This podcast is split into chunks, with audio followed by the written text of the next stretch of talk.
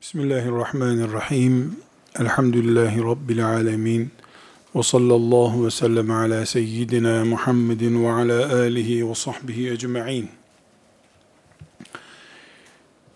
Ümmeti Muhammed'in farklılığını Muhammed kelimesiyle sallallahu aleyhi ve sellem bağlantı kurulmuş bir davanın ağırlığını konuşuyoruz başında Muhammed bulunan hayrul halk, insanlığın efendisi bulunan bir dava, herhangi bir siyasi veya herhangi tarihi bir kavramla benzeştirilemez bile. Bu ümmet Muhammed ümmetidir. Sallallahu aleyhi ve sellem. Başında Muhammed sallallahu aleyhi ve sellemin bulunduğu bir davadır. Sıradan bir dava sıradan bir din, sıradan bir çalışma içinde değiliz. Bu sebeple bu ümmetin farklılıkları var. Bu ümmetin Allah tarafından seçilmişliği var. Bu seçilmişliğin içinin dolduruluş tarzı var. Ne yazık ki Müslümanlar olarak bir kısmımız sıradan bir çalışmanın içinde kendisini zannediyor olabilir. İnşallah bir kere ümmet mefhumu ayağa kalkınca, ümmetin kim olduğu anlaşılınca, çok daha aktif, çok daha ihlaslı ve kapasiteli çalışmaları yapmayı da Allah bize müyesser kılacak diye niyaz ederiz. Kardeşlerim altıncı özelliği bu ümmetin dini tamam bir ümmettir. Resulullah sallallahu aleyhi ve sellem tamamlanmış bir Kur'an'ın peygamberi olarak Rabbine kavuşmuştur. Maide suresinin üçüncü ayetini hepimiz biliyoruz, duymuşuzdur muhakkak. El yevme ekmeltu lekum dinekum.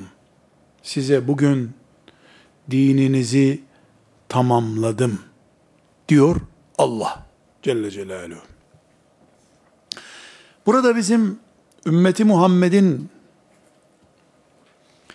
karakterlerinden birisidir dininin tamam olması derken şunu kastetmiyoruz.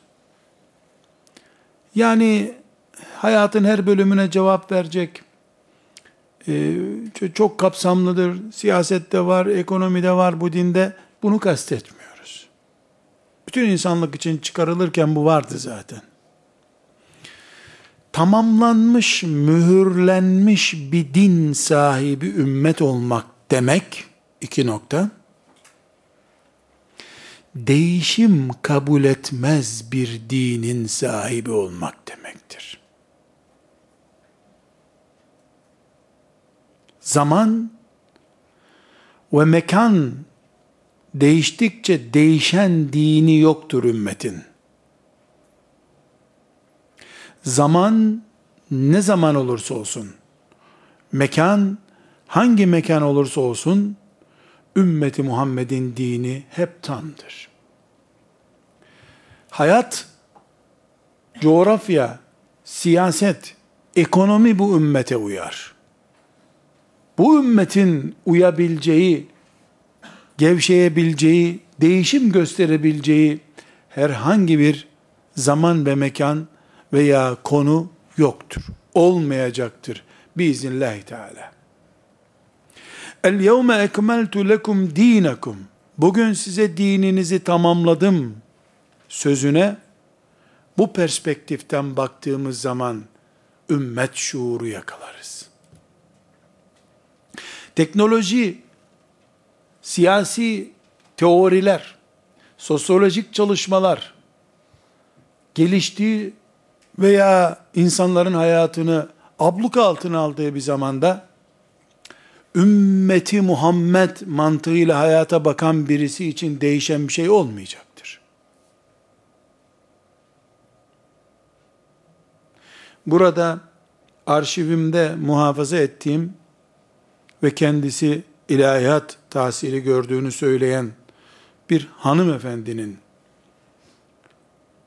özellikle sadece ders ve ibret olması bakımından şu mefhumu el yevme ekmeltu lekum dinekum emrini anlamadığı zaman bir Müslümanın Müslüman da olsa ağzı neler konuşabilirin örneği olarak bir sorusunu zikretmek istiyorum. Rabbimizin vakarne fi buyutikunne evinizde kalın siz ayetini Kur'an-ı Kerim'deki kadınlara hitap eden bu ayeti benim ders olarak işlediğim konuları dinlemiş. Bana yazdığı bir mailinde diyor ki yani bu işlerden ben de anlıyorum az çok. Ama çok işte ben Türkçeleştireyim dediğini çok uzun bir yazı. Çok sert görünüyorsun. Aslında çok duygusal birisin ama çok sertsin. Bu sertliklerinden biri de kadını eve kapatma sertliğidir. Seni de anlıyorum. Ayetten etkileniyorsun diyor. Seni de anlıyorum diyor. Arşivimdeki bir şeyden konuşuyorum. Alimler toplanıp bu ayete yeni bir şekil verseniz olmaz mı diyor.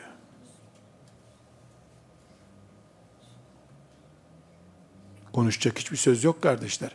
El yevme ekmeltu lekum dinakum. Din mühürlenmiştir. Allah'ın vurduğu bir mühürü kulu açamaz. Nasıl açacaksın sen? Kimdir alim? Kimdir müştehit Allah'ın hükmüyle oynayacak? Elbette bu Müslüman kardeşimizin kastı olduğunu düşünmüyorum. Şeytan ona balloz gibi bir söz söylettiriyor. Ama içinde de iman var.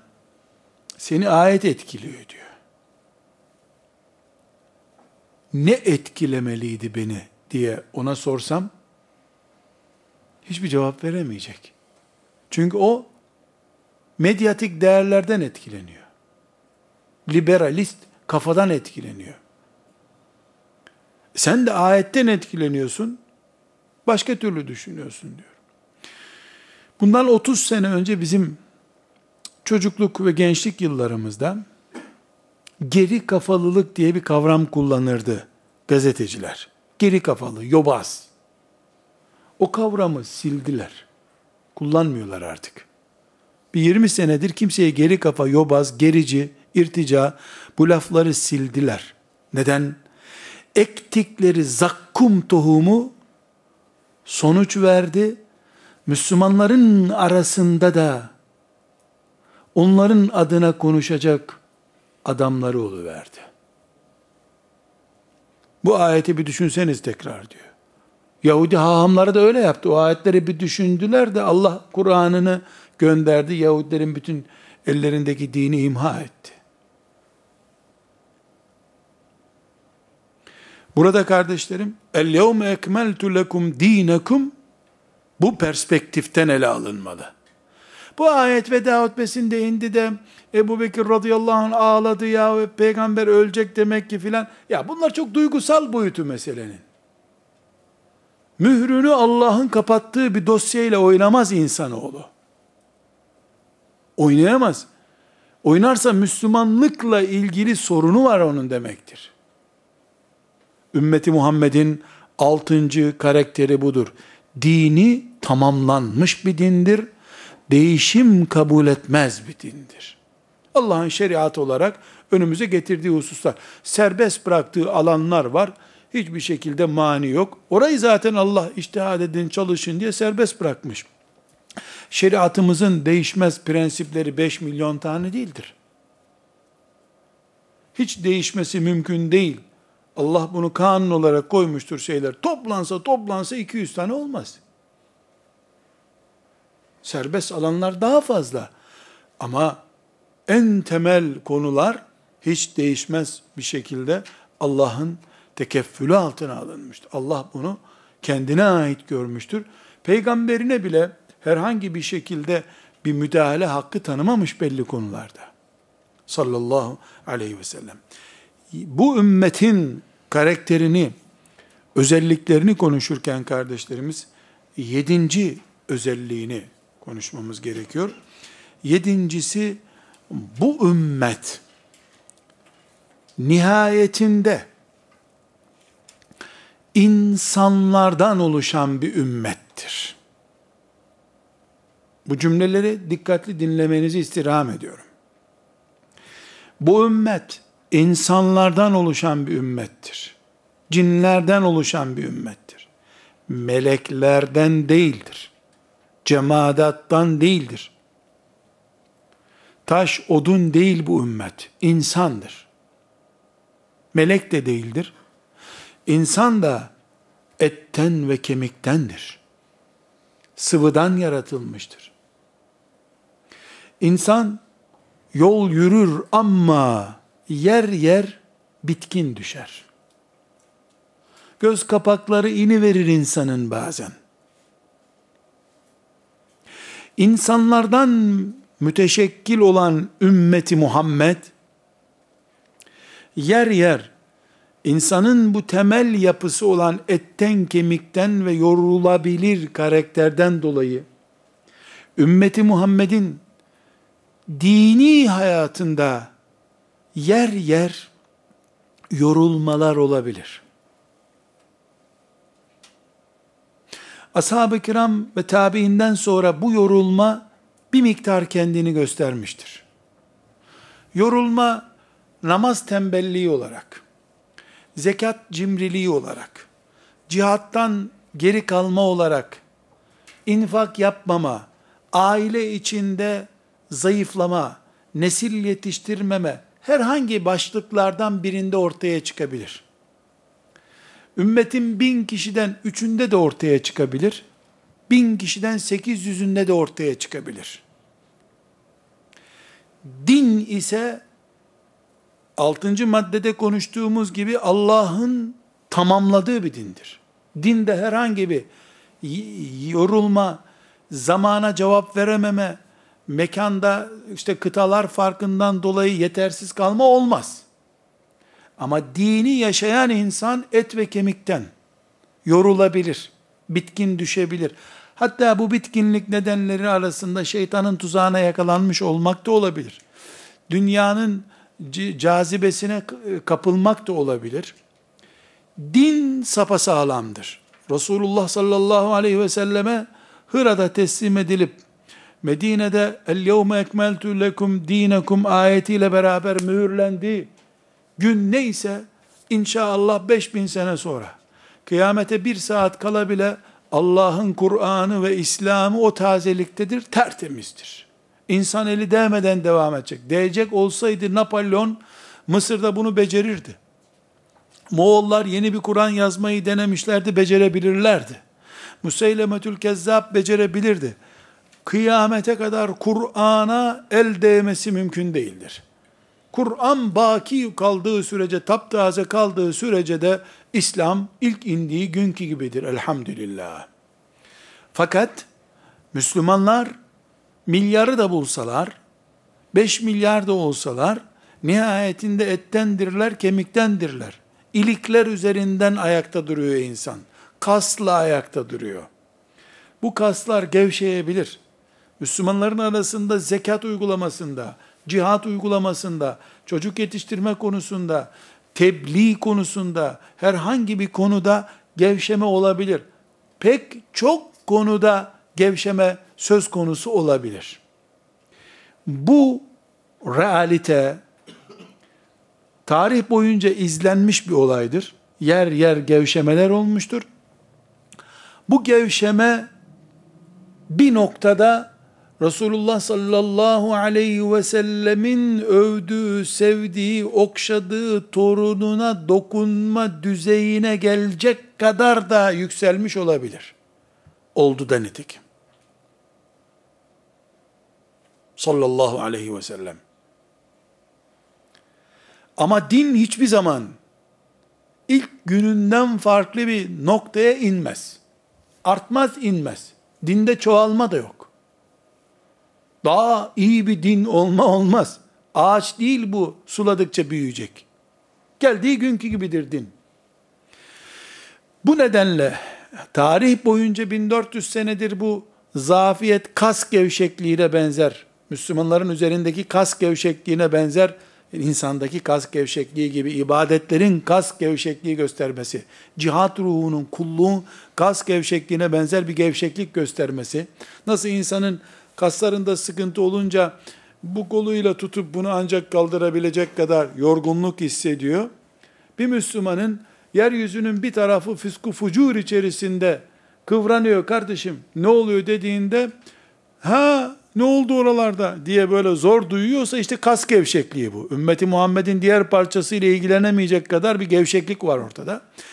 Bunu Resulullah sallallahu aleyhi ve sellem de bize haber vermiştir.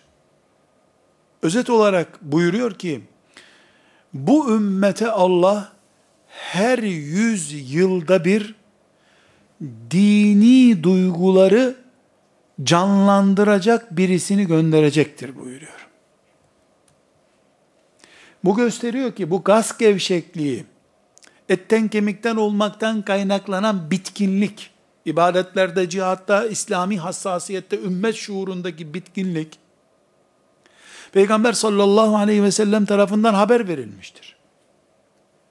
Nitekim mübarek torununun şehadetinden sonraki dönemde o büyük faciadan sonra sallallahu aleyhi ve sellem Efendimizin hadisi gerçekleşmiş. Ümmetin ittifakı ile Ömer bin Abdülaziz bir müceddit olarak gelmiştir. 50 yıla yakın süren bu kas gevşekliği dönemini iki yılda toparlamayı Allah ona nasip etmiştir. Hadisi şerif sahihtir. Her yüz yılda bir Allah bir müceddit muhakkak gönderecektir. Müceddit tazeleyici demek. Ancak bu konuyu uzatmayacağım çünkü müstakil bir ders yapacağız bundan. Bu çok önemli bir konu.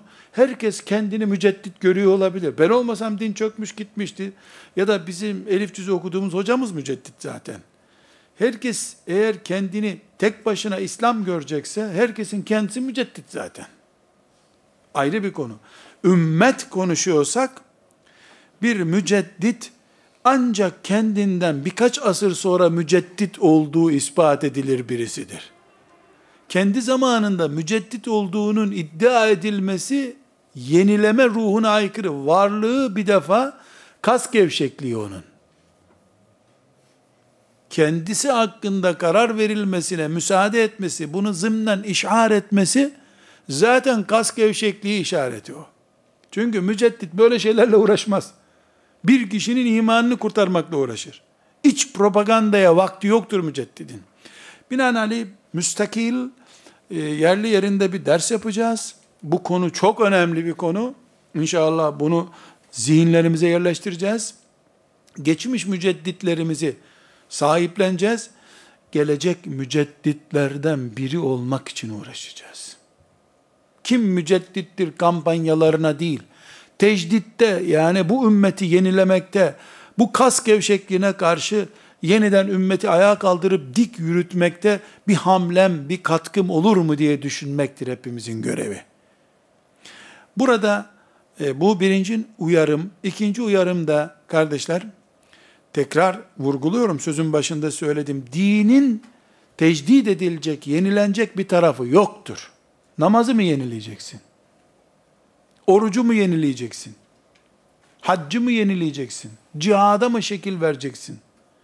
Din taptazedir, eskimez ki. Dini yaşayanların sırtında bir yorgunluk olur. Müslümanda bir uyuşukluk olur, bir sersemlik olur. Onu giderme üzerine tecdit yapılır. Bunu konuşuyoruz. Bu ümmetin yedinci karakteri de budur. Bu ümmet bir nebze kas gevşekliği yaşayabilir. Hafif bir uyku sersemliği geçirebilir. Bu ebedi olmaz Allah'ın izniyle. Hafif bir gevşeklik ümmette görülür. Ebedi değildir bu. En fazla yüz sene sürer. Allah bir müceddit gönderir. Bu müceddit kim olur? Kimdir? Hangi zamanda gelir? Bunların üzerinde inşallah müstakil çalışacağız. Bu çünkü çok önemli bir konu böyle e, sohbet, çay kahve içerken e, o ortamda konuşulacak bir konu değil bu.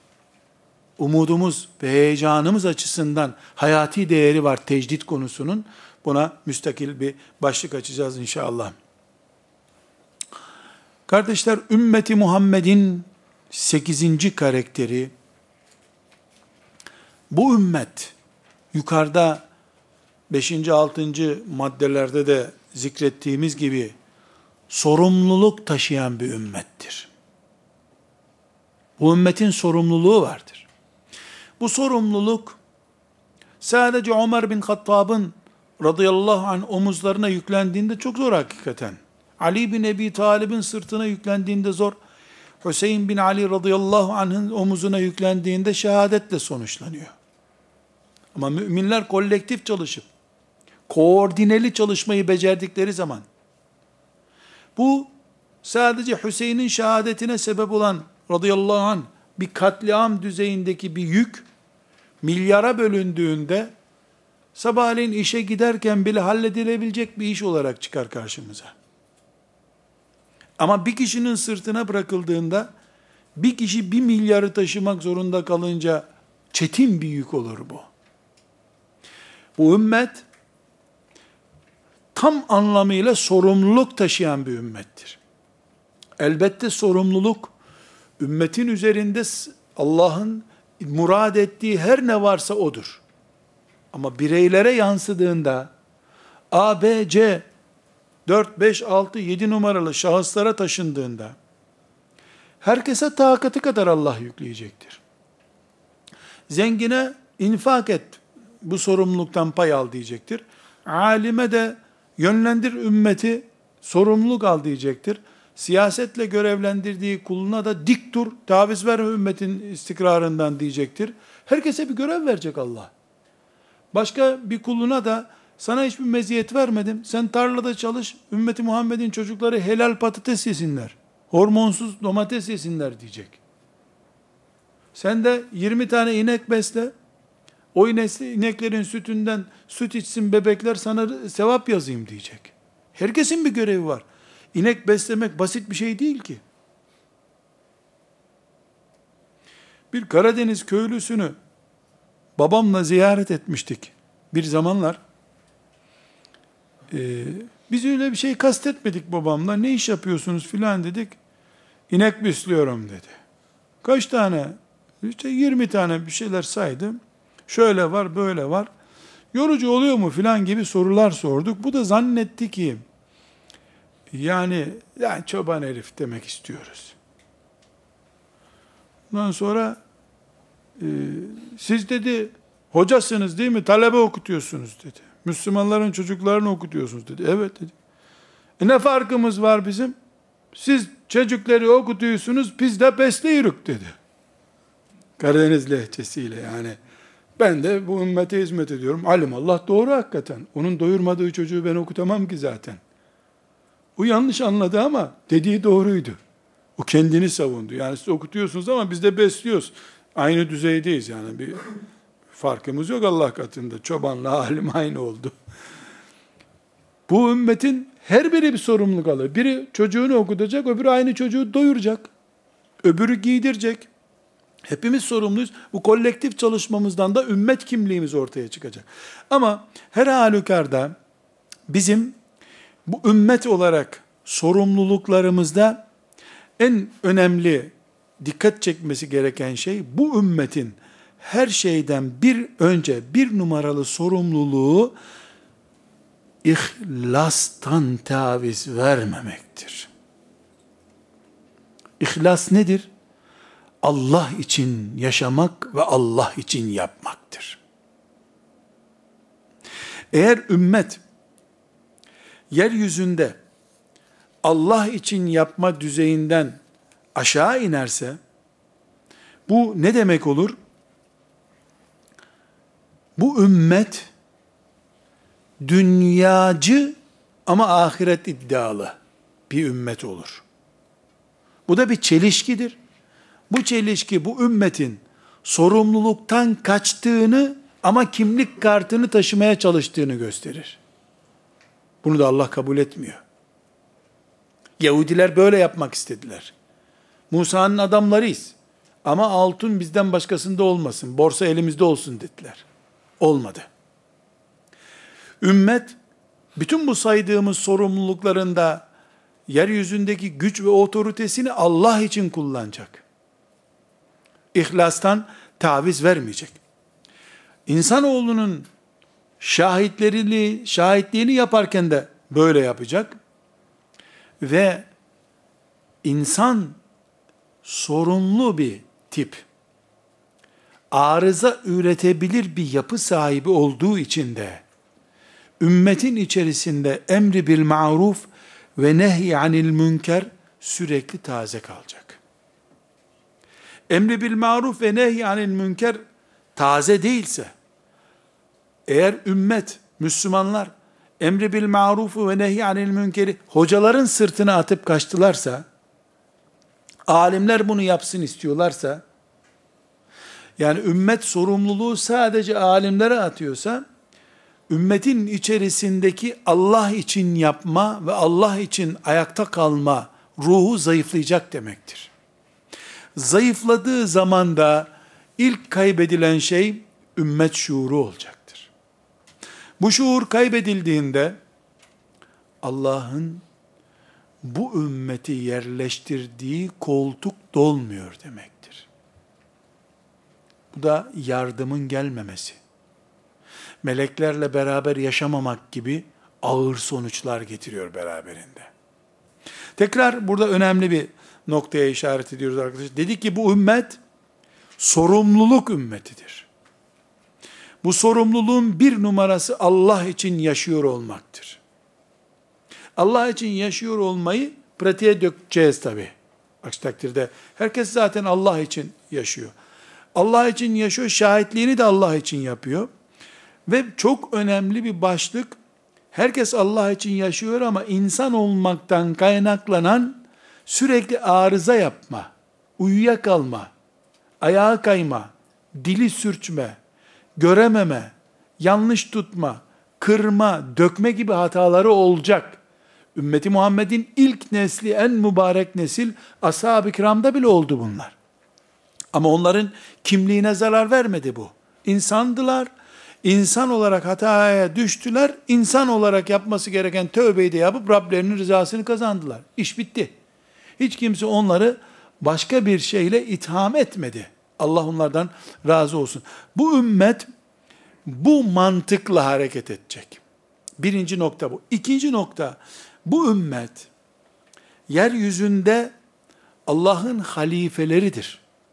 Biz buna şahitler diye de bir isim verdik ama ayeti celile buna yeryüzünde Allah'ın halifesi olma diye bir isim getiriyor. Ne demek? Allah kullarını ne görmek istiyor? Dünyayı nasıl görmek istiyor? Bunu ümmeti Muhammed'in eliyle yapacak Allah. Allah. Hiçbir zaman kıyamete kadar Allah yeryüzünde bir camiyi meleklerine yaptırtmayacak. Kabe'yi İbrahim Aleyhisselam'a, İsmail Aleyhisselam'a yaptırdığı gibi yeryüzünde cami gerektikçe bunu ümmeti Muhammed'in Müslümanları yapacak. Hiçbir zaman cihadı meleklere yaptırtmayacak Allah. Mümin kulları yapacak, ümmeti Muhammed yapacak. Çünkü yeryüzünde istihlaf dediğimiz Allah'ın halifesi olmak, yeryüzünde Allah'ın yapmayı murat buyurduğu şeyleri yapma görevi ümmeti Muhammed'e aittir. Bunun karşılığında da Allah bu ümmete lütuflarda bulunmuştur. Nedir bu lütufları Allah'ın? Yani destekleyecek. Madem biraz Anadolu ya da modern ifadelerle Allah'ın elemanıdır ümmeti Muhammed elemanını Allah destekleyecek. Burada arkadaşlar çok önemli e, bir ayeti e, belki 5-10 derste daha kullanacağız inşallah. Nur suresinin 55. ayetini. Şimdi sadece hızlı bir şekilde bu ayeti okuyacağım burada. Ama bu ayetten e, çok derslerde alıntı yapacağız. Ümmeti Muhammed'i konuşmaya devam ettiğimiz sürece. Burada bu Nur suresinin 55. ayetinde Allahu Teala ümmeti Muhammed'e verdiği görev olan yeryüzünde Allah ne murad ediyorsa onu siz yapacaksınız. Madem ümmeti Muhammed'siniz, ne istiyor Allah? Yeryüzünde camiler olsun. Siz yapacaksınız. Yeryüzünde yarattığı okyanuslar, denizler, dereler, ovalar kirlenmesin. Ümmeti Muhammed'in vazifesi. وَاسْتَعْمَرَكُمْ ف۪يهَا Yeryüzünün imarından sizimli, sizi sorumlu tutar Allah. Diyor Kur'an-ı Kerim. Binaenaleyh Arakan'da, Filistin'de, şurada burada kan akarken sorumlu oluyor da Müslüman, Kızıl Deniz veya Akdeniz veya Marmara Denizi kirlendiği zaman kim sorumlu? Yeryüzü ümmeti Muhammed'e emanettir. Sadece kanı akan Müslümanlar emanet değil ümmeti Muhammed'e. Yeryüzü ümmetiyiz biz. Okyanuslar da bizden sorulur Vadilerin güzel kalması da bizden sorulur olması gerekiyor. 55. ayeti Nur suresinin kardeşlerim.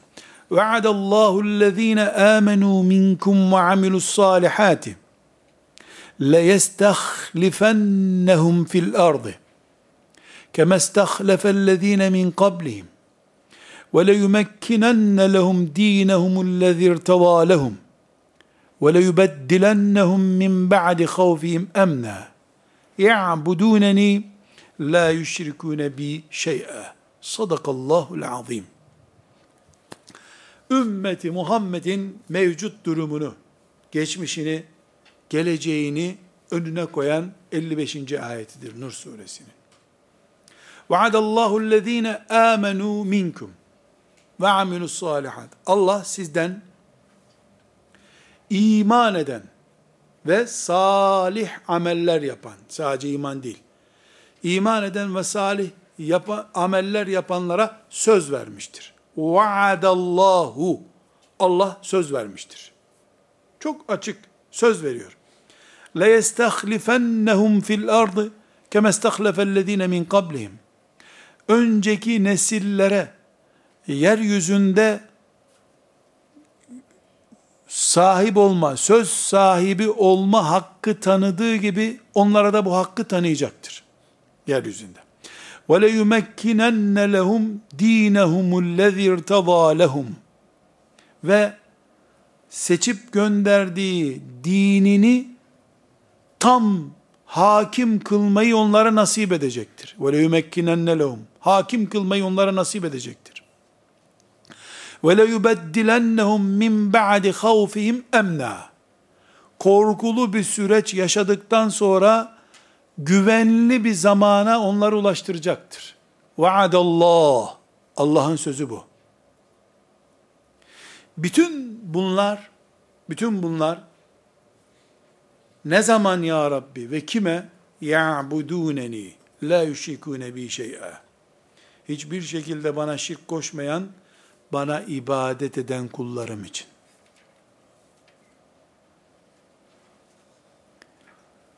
İbadet sadece namaz kılmaksa namaz kılanlar için bu vaat. İbadet hayatı Allah'a teslim etmekse o zaman. Ticaretten ziraate, siyasetten ekonomiye, dağda, şehirde, vadide, kooperatifte, evde, iş yerinde Allah var. Şeriki yok Allah'ın. Hiç kimse ortak değil Allah'a. Olduğu zaman وَلَيُمَكِّنَنَّ لَهُمْ د۪ينَهُمُ الَّذِي ارْتَضَى لَهُمْ Sözü o zaman Allah'a. Burada sadece içimiz huzur dolsun diye ve bir teoriyi yıkmak için bir şey konuşacağım kardeşlerim. Müslim'den 2922. hadisi şerifi nakledeceğim. Şimdi dünyanın hakim güçleri Yahudilerdir deniyor. Ne kadar öyledir benim pek anladığım bir şey değil ama nerede güçlü bir tüccar varsa Yahudidir muhakkak deyip başından savsaklıyor Müslümanlar. Yahudi her şey Yahudinin elinde, Yahudinin elinde. Tamam be dediğiniz gibi olsun ya. Tamam. Nur suresinin 55. ayeti ne? Her türlü güveni garanti edeceğim Allah buyuruyor. Yeryüzü sizin olacak. Le yumekkinenne lehum dinehum. Din de istediğiniz gibi yaşanacak. Ayet. Yüzde bir şüphesi olan mümin olamaz. Ayet. Mecazi bir mana da yok burada. Çok açık seçik ayet. Bununla ilgili onlarca da hadis-i şerif var. Bu ayet dedim ya farklı defalarca gelecek. Tekrar onu döneceğiz inşallah. Fakat sadece şu dünya Yahudilerin elinde. IMF onların elinde, IMF de onların elinde. Hepsi IMF'de, IMF'de hepsi onların elinde. Ben de peygamberime bakıyorum. Bütün gaipten haberler de onun elinde. Müslim'in 2922. hadisi şerifinde. La tekumus saatu hatta yuqatilel muslimunel yehud. Hakim olmaktan söz etti mi? Nur suresinin 55. ayeti. Bu hakimiyet yarın kalktıklarında olmayacak. Bir sürtüşme sonucu olacak tabi. Kimse sana, hakimiyeti sana bırakıyoruz, nöbet senin buyur, eş başkan olarak sen idare et dünyayı diyecek hali yok. Kimse parayı bırakmaz. Kimse yeryüzü otoritesini kimseye teslim etmez bedava. Bu bir şey üzerinde olacak, bir savaş üzerinde, bir mücadele üzerinde olacak. Müslümanlar bunu yapacaklar. Kabul ettim, bütün güç Yahudilerin elinde. 2922. hadisi şerif bu güç sahiplerine ses veriyor. La tekumus saatu hatta yukatilel muslimunel yehud. Müslümanlar Yahudilerle savaşa tutuşmadıkça kıyamet kopmayacaktır. فَيَقْتُلُهُمُ الْمُسْلِمُونَ Ve bu savaşta Müslümanlar galip geleceklerdir. Hatta yahtabi el Yahudiyyu min vara'il haceri ve şecer. Yahudiler taş ve ağaç bulup arkasına saklanacaklar. Taş bulup, ağaç bulup, yani bir heykel bulup arkasına girecekler. Buraya gelmez Müslümanlar diye. فَيَقُولُ الْحَجَرُ اَوِ الشَّجَرُ Taşlar ve ağaçlar bile dile gelecek. Ya Müslim, ya Abdullah, hada Yahudiyyun halfi. Gel arkamda Yahudi saklanıyor diyecek. Taş ve ağaç diyor Resulullah sallallahu aleyhi ve sellem. Feteale faktulu. Gel gel gel. Tam senin aradığın Yahudi burada diyecek. İllel gargat. Fe innehu min şeceril yahud. Garkat isimli bir ağaç. Bizdeki söğüde benzer bir ağaç benim benzetmelerim doğruysa. O ağaç böyle dile gelmeyecek diyor sallallahu aleyhi ve sellem Efendimiz. Hikmetini Allah bilir tabi. Kardeşler, Rabbim benim ve le yumekkinenne lehum dinehumul lezî lehum. Onlar için beğendiğim İslam'ı hakim kılacağım diyorsa, sen de bana kalkar eğer, ya Yahudiler çok güçlü. IMF'de, IMF'de onların elinde kardeş. Nasıl sen bu işi yapacaksın? Diyorsan eğer ben de sana diyorum ki zaten önce onları ezdirecek Allah merak etme sen. Yeter ki ya'buduneni la yüşrikune bi şey'a. Tam anlamıyla bir kulluk oturmuş olsun. Her şey Allah'ın şeriatına göre olsun. Gerisine karışma sen.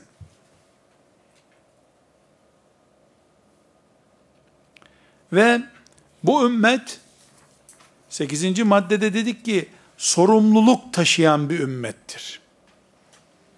Bu sorumluluk taşıdığı için ümmet üzerine görevler yükleniyor dedik. İşte ihlası hep canlı tutacak. Emri bil maruf hep aktif olacak. Hocalara, davetçilere yıkıp kaçmayacak ümmet. Herkes ben olmazsam bu ümmet çöker diye düşünecek. Son kale benim diye düşünecek her Müslüman. Takatı kadar şüphesiz. Allah hiç kimseye takatinin üstünde bir görev yüklemiyor. Fettekullaha mestata'tum. Gücünüz yettiği kadar takva olacaksınız. Elbette öyle. Baştan sona kadar herkes e, süper mücahit olamaz. Kimi bir hizmette, kimi başka bir hizmette iyi olur. Ama ortalamasından Allah'ın dini kazanır bunun. Böyle olacak. Bu ümmetin sorumluluklarının bir tanesi de cihat sorumluluğudur. Ümmeti Muhammed cihattan sorumludur.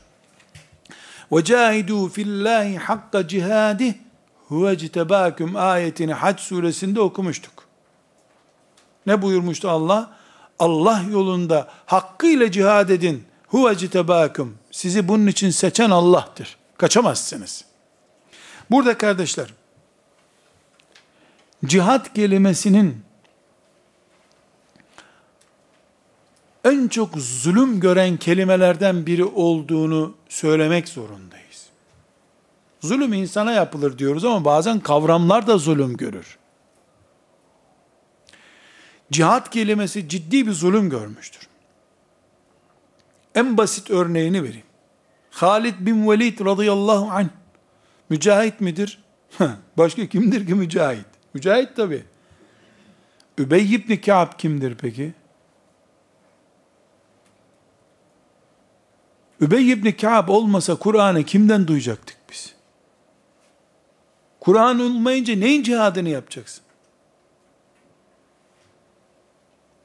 Madem sadece Halid bin Velid akla geliyor cihad edince, cihad dedin mi Halid bin Velid, Hamza radıyallahu anhuma akla geliyor. Niye Resulullah sallallahu aleyhi ve sellem alemin kaleminin mürekkebi şehidin kanından üstündür diyor?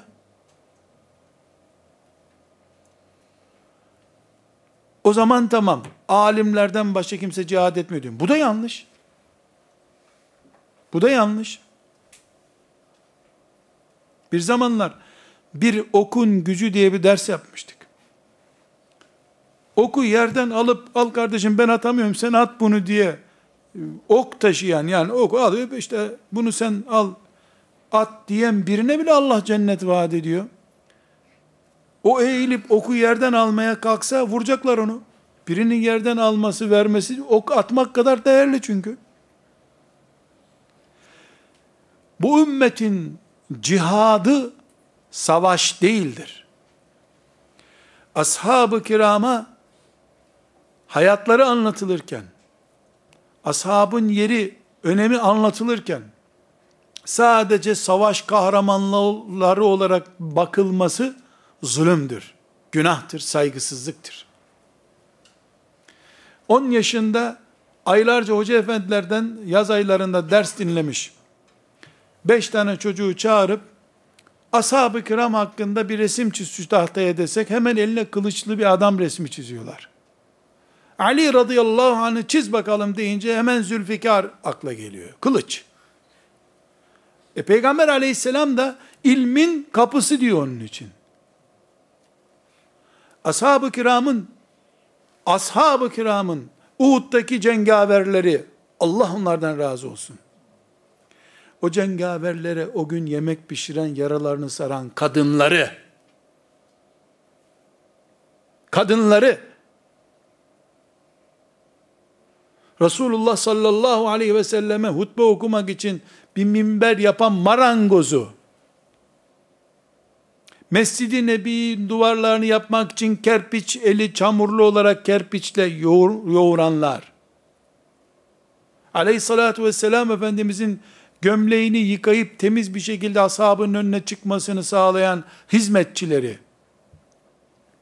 ve cephelerde Allah için ölüme, düğüne gider gibi gidenleri hepsi Allah'ın dinini yerleştiren ordunun bireyleriydiler. Ashab-ı kiramı sadece kılıçla hatırlamak zulümdür. Bu cihada da zulümdür. Ashab-ı suffa olmasa Yemen'e kim alim olarak gidecekti? Ashab-ı kiram Kur'an'ı öğretmeseler, namazı, ibadeti öğretmeseler, ümmeti Muhammed 100 sene içinde 3 kıtaya yayılacak güce nasıl ulaşacaktı? Öldürerek insanlar Müslüman mı oluyorlar? Cihat, kılıç kullanmak değildir. Kılıç kullanmak cihadın bir parçasıdır. Cihat, kılıç kullanmak ise eğer, alimlere çalışacakları ortamı oluşturmak içindir o. yetiştiremediğin nesilleri kılıçtan geçirmenin bir faydası mı varmış? Çocuk mu öldüreceksin? Kadın mı öldüreceksin? Var mı böyle bir şey ashab-ı kiramın hayatında? Cihat, Allah'tan başkasının konuşmamasını sağlamaktır. İ'la'i kelimetullah litekûne kelimetullahi hiyel ulya son söz Allah'ın sözü olsun. Karşısına çıkılmayan söz Allah'ın sözü olsun diye televizyon kurmak da cihattır, gazete çıkarmak da cihattır, bir düğünde konuşmak da cihattır, meydanı işgal edip de orada kafirlerle dövüşmek de cihattır. Önemli olan sonucu Allah'ın sözü son söz olsun diye yapılan çalışmanın sahibi olmaktır. Bu içinde elbette mazlumların hakkını korumayı da barındırıyor. Ama bütün dünyanın hukuk dalavarası üzerinden, siyaset oyuncağı üzerinden savaş yapmaya yeltendiği bir zamanda mantar tabancasıyla İslam namına iş yapılmaz. Basiretli olmak gerekiyor. Eğer böyle olsaydı Resulullah sallallahu aleyhi ve sellem Efendimiz Hassan İbni Sabit'i yanı başında bir silah gibi taşımazdı. Kimdir Hassan İbni Sabit? Şair. Emin olun bir kere kılıç tutup tutmadığına dair bir rivayet yoktur. Tu yaşlı başlı bir adam zaten kılıç onu taşıyamaz, o kılıcı taşıyamaz biri. Ama Efendimiz ne buyurdu? Kalk Hassan, kalk. Ruhul Kudüs arkanda konuş dedi. Ya konuşunca Hamza'nın önünden kaçar gibi kaçtı müşrikler. Hamza'nın yaptığı işin bir benzerini Hassan ibn Sabit yaptı. Radıyallahu anhum cemiyen. Herkesin bir görevi var. Kadınların, erkeklerin, delikanlıların, herkesin bir görevi var. Bu görevi Rabbimiz takdir buyurdu, Müslümanlar yaptılar. Binaenaleyh cihat, Rib'i Rüstem'in önünde ne demişti? Kullara kulluktan Allah'a kulluğa yükseltmek için geldik demişti. Topraklarınızı almak için değil. Kula kulluk yapmayalım, Allah olsun Rabbimiz. Bu seviyeye yükseltmek için insanlığı. Bu nasıl yapılıyor? Kılıçla, kılıçla, kalemle, kalemle, sözle, sözle. Neyle yapılıyorsa? Ziraatle, ziraatle. Ordu hazırlamışsın. Helal yiyecek lokmaları yok. Kola içerek mi cihada göndereceksin mücahitleri? Ayran yok, kola için bari. Yeri gelir bir bardak ayran mermiden değerli olur. Susuzluktan ölüyor mücahit. Bu ümmet evrensel değerlerin sahibi bir ümmettir. Küçük bir odada projelendirilemez bu ümmet. Bir masa üzerinde bu ümmet daraltılmış projelere mahkum edilemez. Zulümdür bu ümmete. En başta da cihat olmak üzere kavramlarımız adeta çoluk çocuğun elindeymiş gibi ucuza kullandırılamaz. Çok yazık olur ümmetimize. Evet, sekizinci olarak da bu ümmetin karakteristik özelliklerinden söz ederken, dedik ki bu ümmet, sorumluluk taşıyan bir ümmettir. En büyük sorumluluğu da, ihlası yeryüzünde ebediyete taşımaktır. Bir nesil paraya, şöhrete, mekama, mevkiye taviz vermeden sadece Allah için yaşıyor olmalıdır. Bu ümmeti Muhammed'in özelliğidir. Bu sorumluluk var. Yeryüzünde Allah için olma, sadece Allah için yaşama, Allah için doğurma, Allah için büyütme, Allah için kazanma, fiiliyatta, sözde, eylemde hep bunu ispat etme kalitesi bu ümmetin bir neslinde sürekli kalmalıdır. Ve insan mantıklı nihayetinde olduğu için ümmet, arızalara karşı, hatalara, gevşekliğe karşı emri bil maruf, nehy anil münker yapan bir kadrosu bulunmalıdır. Bu imani özelliklerinden biridir. Sorumluluklarını sayıyoruz. Sorumluluklarını sayıyoruz ve cihat bu ümmetin sorumluluğundadır. Ama cihat insan öldürmekten ibaret, meydanları kana bulamaktan ibaret algılanırsa İslam'a, cihadın sultanı olan Resulullah sallallahu aleyhi ve selleme, en büyük mücahitler ordusu olan ashab-ı kirama hakarettir bu. Ali deyince kılıçlı bir adam tasavvur etmek hakaret olduğu gibi, kılıcı da olan, yüreği de ilimle dolu olan adamın adıdır Ali radıyallahu anh. Açtı mı ağzını kütüphane oluyor. Kaptı mı kabzasını kılıcının mücahit oluyor. Kahraman oluyor. Ashab-ı kiramı yaptıkları hizmete baktığımızda bir tanesini çeksen motorun bir dişlisi dağılmış gibi oluyor. O şekilde hizmet ettiler. Yeri geldiğinde arkadaşlar Resulullah'ın morali olsun diye kapısında ağladılar bile. Hamza şehit olduğunda muhacirlerden de Hamza. Hamza muhacirlerden de. Ya ne demek muhacirlerdendi? E Medine 5000 nüfuslu bir yer diyelim. 500 tanesi Mekkeli, 4, 4500 tanesi Medineli. Ensardan şehit olanlar Medine'ye getirildiğinde kadınlar vaveyla koparıp ağladılar. Ağlıyorlar. Hamza'nın da cenazesi toprağa kondu, şehit mübarek şeyi. Medine'de Hamza'nın akrabası yok, bir şeysi yok. Efendimiz var, yeğeni olarak. Ali var, o da öbür yeğeni. Efendimiz sokaklarda bu grup niye ağlıyor? Ya Resulallah filanca sahabi için ağlıyorlar ensardan. Bu niye ağlıyor? E bu da filanca işte kadınlar küme küme işte kadınların ağlama sahnesi. Efendimiz bakmış. Velakinne Hamzete la bevakiye lehu demiş. Zavallı Hamzam için ağlayan yok ama buralarda. Demiş. Bu yani yok burada akrabası yok, kimsesi yok. Kim ağlayacak onun için? Tamam üzüldü herkes ama ağlayacak kimse yok. Arkadaşlar ensar adamları evlerine gitmiş kadınları toplamışlar. Ne yapıyorsun siz ya demişler. Hamza diye ağlayın Resulullah'ın morali düzelsin demişler. Hamza diye ağlayacaksınız. Var mı dünyada böyle bir şey ya? Hangi romanda yazabilirsin bunu? Efendimiz Aleyhisselam da akşam bakmış ki, aa Hamza diye kadınlar ağlıyorlar.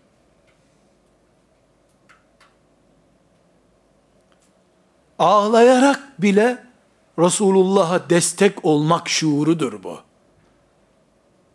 Bu ağlayanlar evlerinin yarısını bölüp Mekke'ye gelen muhacirlere veren adamlar. Siz amcanıza, dayınıza, halanıza ağlarken Resulullah'ın amcasını unuttunuz diye üzüldü peygamber diye karılarını ikaz eden adamlar bunlar. Yok bunun örneği dünyada ya. Olamaz zaten. Ümmeti Muhammed'in şeriat erbabı müminlerinden başka hiçbir insan bunu bu dünyada yapamaz. Resulullah'ın adamları yapar bunu. Yaptı nitekim. Radıyallahu anhum. Bu ümmet şuurudur. Ümmet kafasıdır. Cihat da budur kardeşlerim. Ashab-ı kiram da bunu yaparak Allah'ın razı olduğu kullar haline geldiler. Şu şuuru unutmayınız. Peygamber aleyhisselam onlara benim Hamza'mı niye unuttunuz diye sistem etmedi. Ah amcacığım senin burada kimsen yok kimse ağlamıyor senin için dedi. وَلَاكِنَّ حَمْزَةَ لَا بَوَاكِيَ لَهِ Zavallı Hamza'nın ağlayanı yok. Doğru. Suç değil. Kendi kocası ölmüş, kendi oğlu ölmüş, şehit olmuş, ona ağlıyor kadın. Bu nedir ya? Rolü yapılabilir mi arkadaşlar? Tiyatro için bir oynayalım şu rolü. Oğlum öldü, kocam öldü. Hüngür hüngür ağlıyorum Medine sokaklarında. Ya Resulullah üzüldü, amcası unutuldu diye. Susuyorsun. Açıyorsun şarteli, ha Hamza diye ağlamaya başlıyorsun. Yap bunu bir bakalım oluyor mu ya? Uhud'da şehit olanla bu kadın aynı cennete girecekler işte. Cihat da budur. Sadece şehit olmak değil.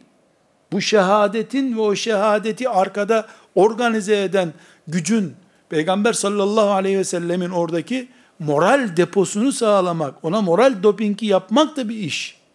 Onu yapamadığın zaman zaten Uhud'a bir daha gitmeye mecali kalmıyor ki. Cihat budur.